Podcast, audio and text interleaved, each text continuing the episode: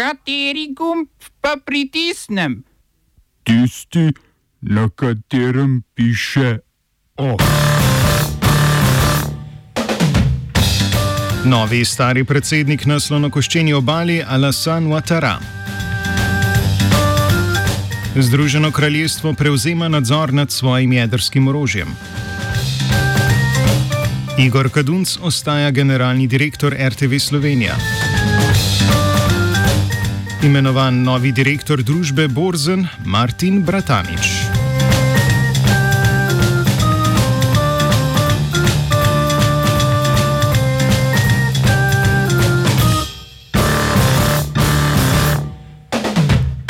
Združeno kraljestvo je napovedalo nacionalizacijo družbe Atomic Weapons Establishment, s katero upravlja konzorcij O. Vlada Združenega kraljestva je tako napovedala, da bo v naslednjem letu Ministrstvo za obrambo postalo edini lastnik družbe, ki upravlja z jedrskim orožjem na britanskih tleh. Konzorci tvorijo družbe Lockheed Martin, Serco in Jacobs Engineering, pri čemer ima ameriški orožarski gigant Lockheed Martin v lasti večino delnic družbe. To vrstna ureditev izhaja iz podelitve 25-letne koncesije za upravljanje družbe leta 1999, ki naj bi se iztekla šele leta 2025. Razlogi za prekinitev pogodbe naj sicer ne bi bili povezani s slabim upravljanjem, temveč naj bi šlo predvsem za poenostavitev odnosov med O in Ministrstvom za obrambo. Po drugi strani pa je britanska vlada v začetku leta napovedala razvoj nove generacije jedrskega orožja pod okriljem Ministrstva za obrambo, potem ko so ZDA to isto informacijo razkrile, preden je vladi o tem uspelo obvestiti parlament.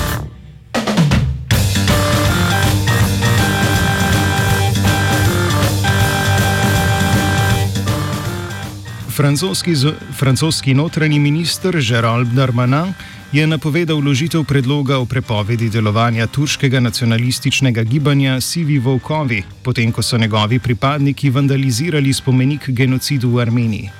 Skupina je sprejem na spomenik napisala svoje ime in začetnice turškega predsednika Rečepa Tajipa Erdoana. Slednji je zadnjih nekaj tednov v sporu s francoskim predsednikom Emmanuelom Macronom, ki je po terorističnem napadu v Parizu napovedal poostren boj proti radikalnemu islamizmu. Erdoan je odgovoril z ugibanji o Macronovem mentalnem zdravju in pozval k bojkotu francoskih izdelkov.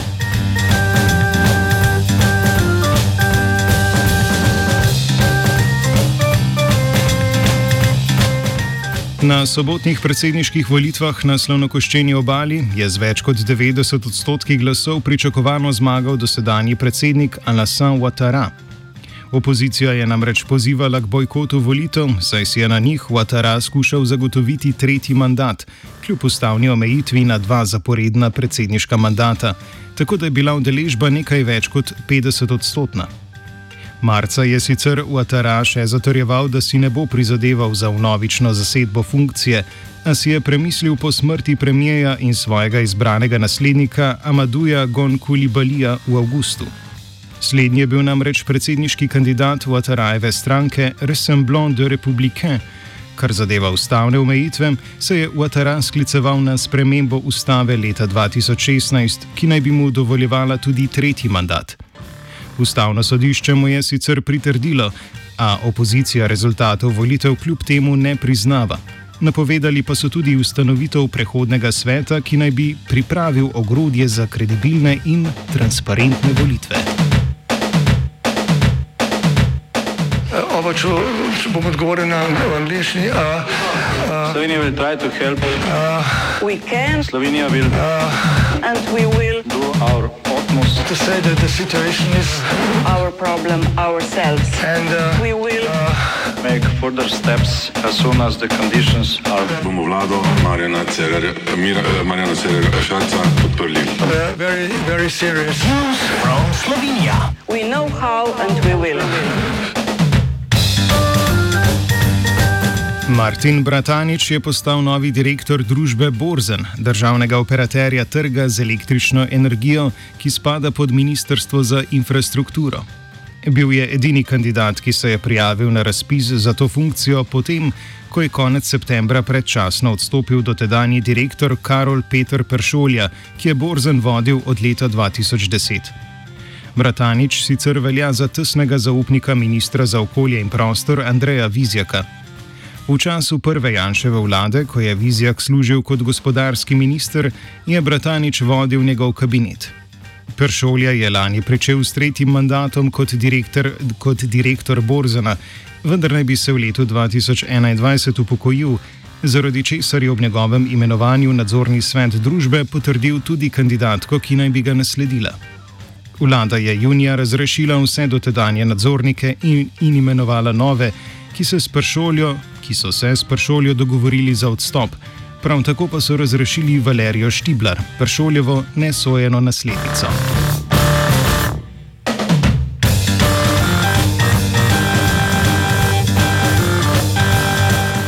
Zamenjali pa so se tudi trije člani nadzornega sveta Telekoma. Po odstopu treh svetnikov, predsednika nadzornega sveta Aleša Šabedra in članic Barbare Cerovšek Zupančič ter Bernarde Babič, je Ukrajino sodišče v Ljubljani na predlog SDH imenovalo tri nadomestne: Poštjana Kolerja, Dimitrija Marjanoviča in Štefana Belingarja. Funkcijo bodo tako upravljali do izvolitve novih nadzornikov, vendar največ eno leto. Nove nadzornike bi sicer morala imenovati skupščina, ki pa je zaradi epidemije ni bilo mogoče sklicati. Kolar sicer sedi tudi v upravi slovenskega državnega holdinga, ki ima v lasti dobre 4 odstotke telekomovih delnic in je blizu stranki SD, ki ga je predlagala za imenovanje na to mesto. Marjanovič je član nadzornega sveta v družbi za svetovanje in upravljanje, ki upravlja z državnimi nepremičninami zadolžena pa je tudi za privatizacijo določene družbene lastnine. Belingar prihaja iz bančniških krogov, saj je dva mandata vodil Deželno banko Slovenije, v kateri je članica uprave tudi nadzornica Telekoma v odstopu Barbara Cerovšek Zupančič.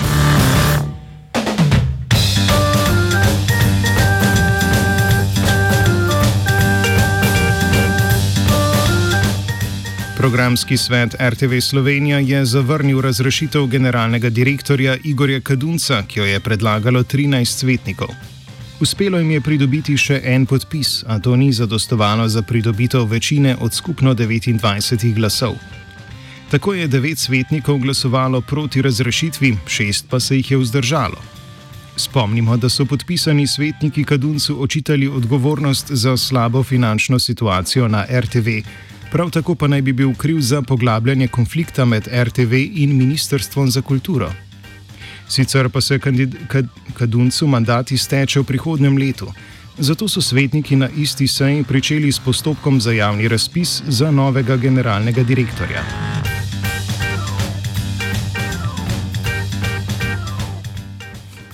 OF je pripravil svetina.